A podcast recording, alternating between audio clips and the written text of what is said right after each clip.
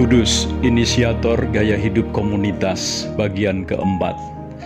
Masih berhubungan dengan pesan yang kemarin, hari ini kita mau belajar tentang kedudukan uang di dalam kehidupan komunitas maupun dalam kehidupan kita sehari-hari. Kedudukan tertinggi yang bisa dicapai oleh uang dalam Perjanjian Baru hanya sebatas di depan kaki rasul-rasul, tidak lebih, tidak kurang ini bukan sekedar pernyataan manusia, tetapi pernyataan Roh Kudus sendiri. Kita baca kisah para rasul 4 ayat 36 sampai 37. Demikian pula dengan Yusuf yang oleh rasul-rasul disebut Barnabas, artinya anak penghiburan. Seorang Lewi dari Siprus, ia menjual ladang miliknya, lalu membawa uangnya itu dan meletakkannya di depan kaki rasul-rasul. Apakah maksudnya Alkitab menulis demikian? Pertama, untuk menunjukkan moralitas dan integritas para rasul yang sangat terpuji. Tidak ada yang memerintahkan setelah orang-orang menjual rumah dan tanahnya, uangnya harus dibawa dan diletakkan di depan kaki rasul-rasul. Kepercayaan yang tinggi terhadap kejujuran dan pola hidup rasul-rasul itulah yang telah mendorong jemaat bertindak demikian. Berapa banyak hamba-hamba Tuhan yang bisa dipercaya sedemikian rupa, sehingga jemaat rela menyerahkan uangnya dan meletakkannya di depan kaki mereka.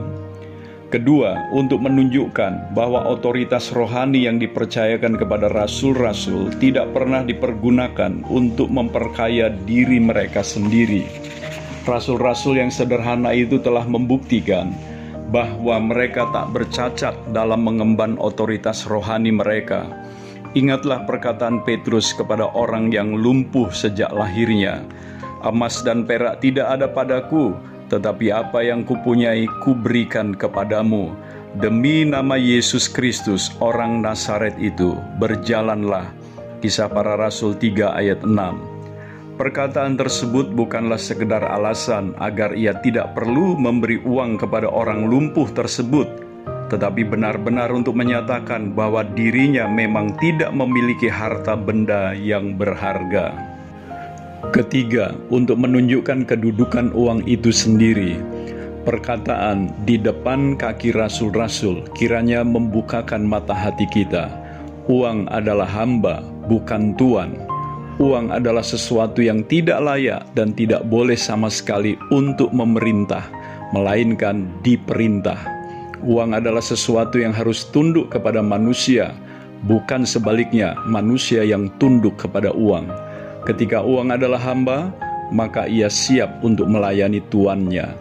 Keempat, kalimat meletakkannya di depan kaki rasul-rasul sepatutnya juga menyadarkan kita bahwa uang bukanlah perkara yang paling utama.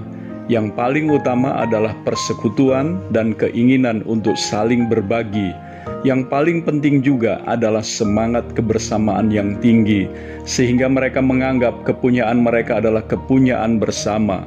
Roh yang mementingkan diri sendiri diikat dan dipasung kuat-kuat, sementara Roh Kudus mengilhamkan kepada mereka cara terindah menggunakan setiap berkat yang mereka terima dari Tuhan.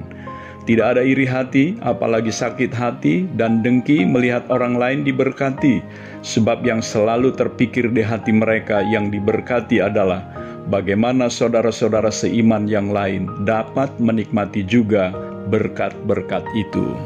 Roh Kudus telah mengilhami jemaat mula-mula untuk bersikap benar terhadap uang dan bagaimana mempergunakannya demi memperkokoh persekutuan di antara mereka.